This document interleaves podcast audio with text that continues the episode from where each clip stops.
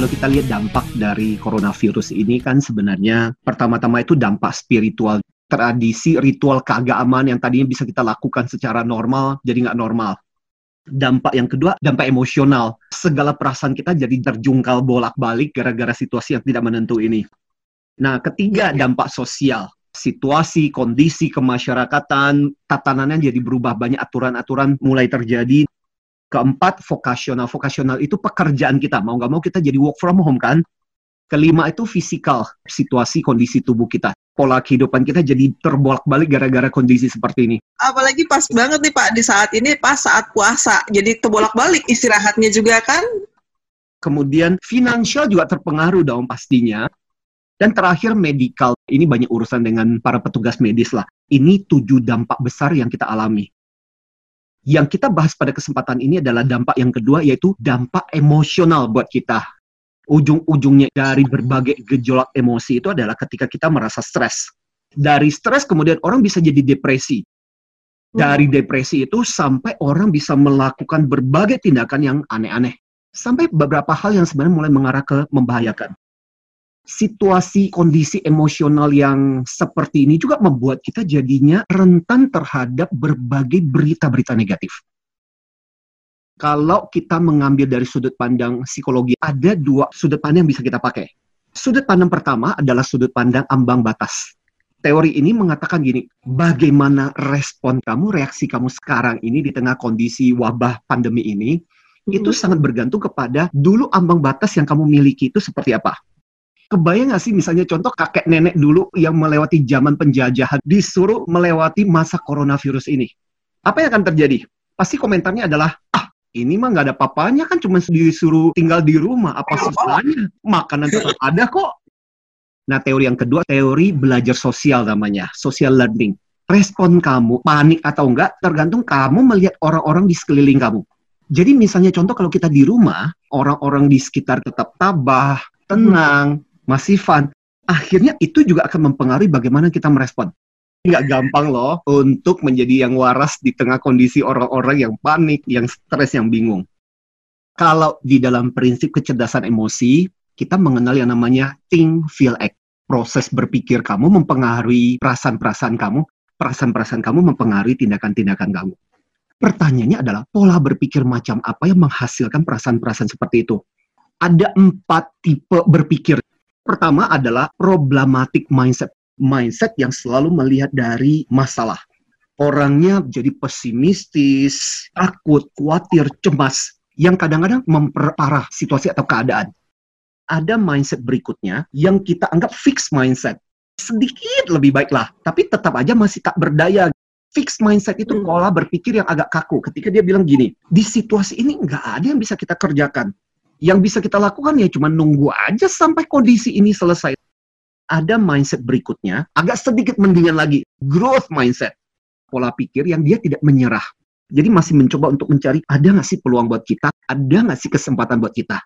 Iya, aku terkurung di rumah, tapi ya setidak-tidaknya aku masih bisa kontak. Ya, aku masih bisa belajar sih. Ada beberapa pekerjaan yang aku masih bisa kerjain kok. Yang paling keren adalah yang kita sebut dengan inovatif mindset. Dia bisa menghasilkan ide atau peluang baru. Aku memang terkurung di rumah, tapi ini kesempatan saya untuk berinovasi, untuk memikirkan ide-ide produk yang ketika normal aku nggak punya waktu untuk mikirin.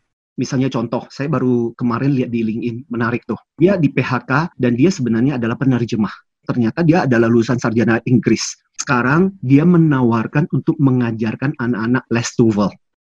Kesabaran, kegigihan, dan ketekunan itu juga dibutuhkan di dalam setiap usaha kita. Uh. Beberapa waktu lalu, saya nonton satu film yang judulnya Trap, terperangkap bercerita tentang seorang anak muda hmm. yang menyewa sebuah apartemen dan kemudian terkurung di situ. Dan tidak ada yang tahu. Awalnya gini, dia berusaha dengan segala cara minta bantuan orang untuk menyelamatkan dia. Berhari-hari dan akhirnya gagal. Hingga akhirnya kemudian solusi itu datang dari dirinya sendiri. Artinya apa? Film ini kemudian mengajarkan kepada kita bahwa satu-satunya yang bisa menolong kita untuk keluar dari situasi kita sebenarnya adalah kita sendiri. sendiri. Iya. Nah, tipsnya apa aja? Pertama, yaitu yang namanya katarsis. Yaitu bagaimana Anda mengalihkan situasi, kondisi, perasaan yang kamu alami dengan hal yang lain. Misalnya dengerin musik, atau misalnya melakukan hobinya kita, atau misalnya berolahraga. Yang kedua yang juga bisa kita pakai adalah teknik reminder. Ini teknik yang dipakai oleh Alkoholik Anonymous, salah satu lembaga yang mengajar orang untuk terlepas dari ketergantungan terhadap alkohol. Ini cuma salah satu teknik yang mereka pakai, of course. Jadi mereka bikin kayak foto penanda. Bisa foto hmm. orang yang kecelakaan gara-gara alkohol, bisa foto keluarganya ditambah dengan quotes. Saya tidak mau mati gara-gara alkohol karena masih ada keluarga yang saya mau lihat setelah mm-hmm. itu tanda-tanda itu ditempelkan di mana-mana. Misalnya di tempat mm. di mana yang biasa dia naruh botol atau teknik filsuf namanya teknik flow. Kita berkonsultasi dengan diri kita sendiri. Flow itu singkatan. F itu adalah fokus. Ketika misalnya contoh kita merasakan panik, stres, fokus pada perasaanmu. Jadi bertanya, eh lu sekarang ngerasain apa sih? Bertanya secara mendalam, lu merasa itu karena apa? Habis itu L, learn apa yang kamu pelajari tentang perasaan itu sebenarnya, kamu sadar nggak? Kamu mengerti nggak apa yang membuat kamu merasakan seperti itu? Ya iyalah, kan aku takut. Nanti kalau sampai seperti ini, gue mesti kasih keluarga makan seperti apa. Jadi betul-betul kita introspeksi, bertanya pada diri kita sendiri. Habis itu O, objectivity. Kita berpikir dari skala yang lebih besar lagi. Jujur dengan dirimu, kekhawatiran kamu yang paling besar itu apa sih? Nah, yang terakhir adalah W, wisdom apa yang bisa kamu katakan supaya perasaan itu jangan berlarut-larut? Apa hmm. yang bisa kamu lakukan supaya perasaan itu tidak menghantui kamu? Oh, yang terakhir namanya cognitive behavior therapy. Artinya gini, perasaanmu datang dari cara berpikir kamu. Jadi kalau okay. ada sesuatu yang kamu merasakan gak nyaman, yang kamu mesti cek adalah balik lagi ke perasaanmu. Ingat prinsip think, feel, act. Dasarnya kognitif terapi. Misalnya contoh, oh. kamu panik karena mungkin kamu membesar-besarkan sesuatu yang kita sebut sebagai hyperbolizing.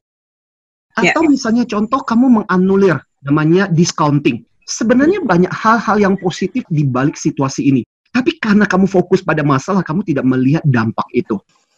Itu sebabnya kenapa sangat penting buat kita untuk punya mindset yang positif dan itu akan membantu kita karena kalau kita bisa membantu diri kita, kita bisa membantu orang-orang yang ada di sekitar kita.